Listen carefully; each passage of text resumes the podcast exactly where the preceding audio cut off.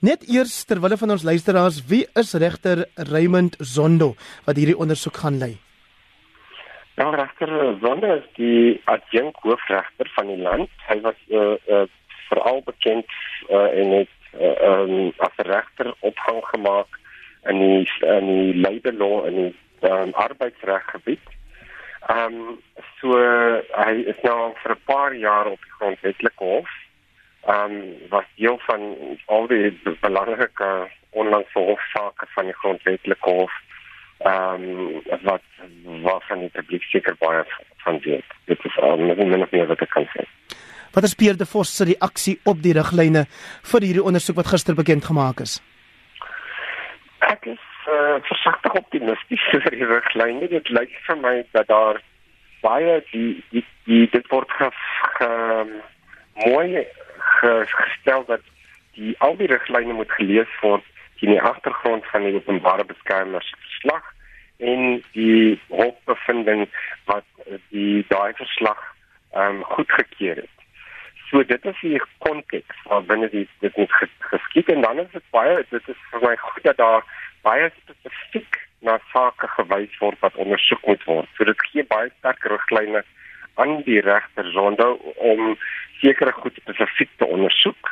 Maar wat gaan gebeur natuurlik is in hierdie ondersoek gaan na uh, ander goed na vore kom. Daar gaan um daar gaan heel waarskynlik uh, getuienis na vore kom van ander ongeregtighede, onregmatighede en daarom is daar 'n 'n meer um algemene bepaling daarin wat sê ander aspekte kan ook ondersoek word. Soos uh, Tulima dan sê nou gesê, as die regter dit goed bestuur, is dit eintlik 'n baie goeie manier om daarna te kyk van anders as die as die terme te nou en eng is, dan kan die regter net enigiets uh, uh ondersoek wat baie spesifiek daar uiteengesit is en kan nie miskien ander sake wat verband hou met die ondersoek ook opvolg nie. So ek voel dat uh, as dit goed bestuur word, is die uh, riglyne uh heeltemal korrek. Professor verduidelik net vir ons wat nie weet nie, sou die kommissie kon sê nee, hierdie werk gaan te veel raak vir ons binne die gegeewe tydsraamwerk, so ons gaan eerder aanbeveel dat hierdie aspek of hierdie gebeure deur 'n ander wets ehm um, toepassingsagentskap ondersoek word. Die kommissie kan uh, het nou 'n taak gekry en die kommissie moet nou het nou 6 maande om die taak uit te rig daar's nou 'n paar goed wat kan gebeur. Na 6 maande kan die kommissie sê ons is nou nog glad nie klaar met enige van hierdie dinge nie. Ons sal asseblief 'n uh, 'n verlenging van die kommissie missie. Dit is een ding. 'n Ander ding wat die kommissie kan sê is wel ons is getaak om hierdie spesifieke ondersoek. Ons het dit nou ondersoek. Dit is ons bevinding, maar ons is ook getaak om meer algemeen te kyk na korrupsie in staatsinstellings en dit is vir ons 'n bietjie te veel.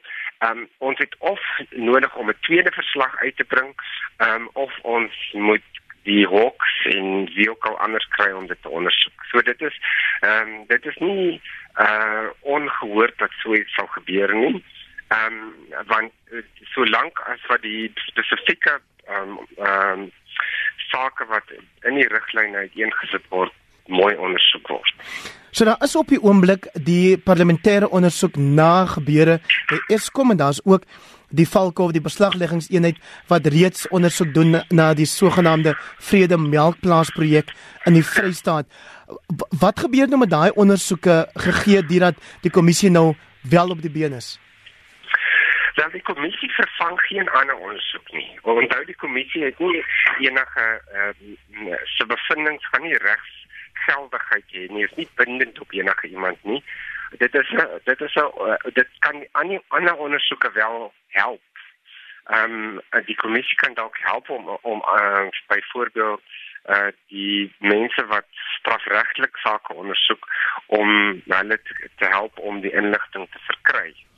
Maar die die ondersoeke gaan nou parallel met mekaar uh, werk om mense hoop ideaal sou hierdie uh, verskillende ondersoeke van mekaar leen en by mekaar ehm um, mekaar ondersteun en Ehm um, uh, want anders te word daar eintlik nou twee keer of drie keer na dieselfde ding gekyk. Ja. Maar dit is effens anders. Die in die parlement is die ondersoek vir verantwoordbaarheid en vir die die Hawks en Swan gaan dit oor kriminele vervolging en vir die uh, staatskapingkommissie gaan dit om 'n oorhoofse prentjie te wys van wat verkeerd gegaan het uh, met ehm um, die korrupsie in hierdie staatsinstelling.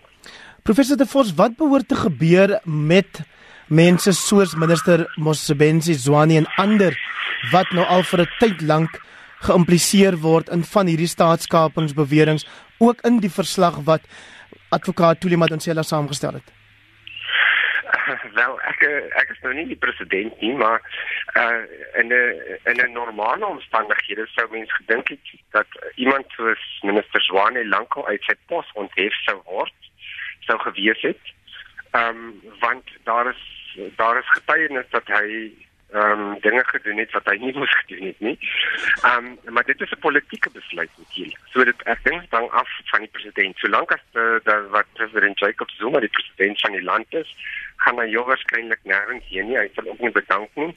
Maar as die president Zuma dalk uh uit sy ampt onthef word en 'n nuwe president inkom dan dink ek nie minister Zwane gaan dit lank in die kabinet maak nie. Hoe belangrik is dit dat die kommissie die nodige hulpbronne kry om sy werk behoorlik te kan doen. Dit is een van die riglyne wat in die ja. staatskoerant verskyn het.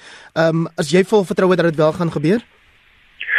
Dit is baie moeilik om te sê. Ek het geen uh, inligting oor uh, hoe dit sal geskied nie, maar dit is absoluut belangrik want jy onthou die regter, die regter is net een persoon.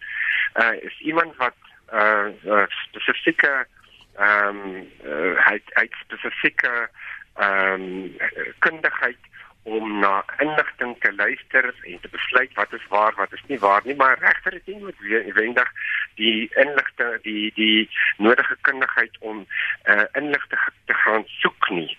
Ehm um, daarvoor het mens baie kundige mense nodig. Mense het mense nodig wat soos polisiemanne optree wat die nodige telefoonrekords gaan kry wat al hierdie goed gaan bymekaar maak en as jy nie die regte persone kry nie en as jy nie al nie genoeg ehm um, uh hulp gee in die vorm van uh, as daar nie genoeg uh, uh, ondersteuning vir hulle is nie dan gaan dit vir dit baie moeilik wees vir die kommissie om werk wel hulle werk ordentlik te doen.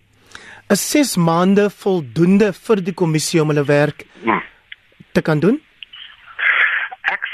Verbaas wees as die kommissie na 6 maande al die goed wat in die terme ondersoek is, uh wel ondersoek het. Ek sou verbaas wees as die kommissie na 6 maande self die baie spesifieke aspekte oor die Guptas uh vol heeltemal volledig ondersoek het. Want die kommissie moet nou eers opgestel word. Dit gaan 'n tydjie vat vir alles um, om op die been te kom en ons weet van vorige kommissies dat dit om, omtrent altyd langer as wat mense dink dit behoort te vat. Ehm um, en as dit nou sou gebeur dan sou daar jou waarskynlik 'n uh, verlenging van die kommissie se mandaat moet wees.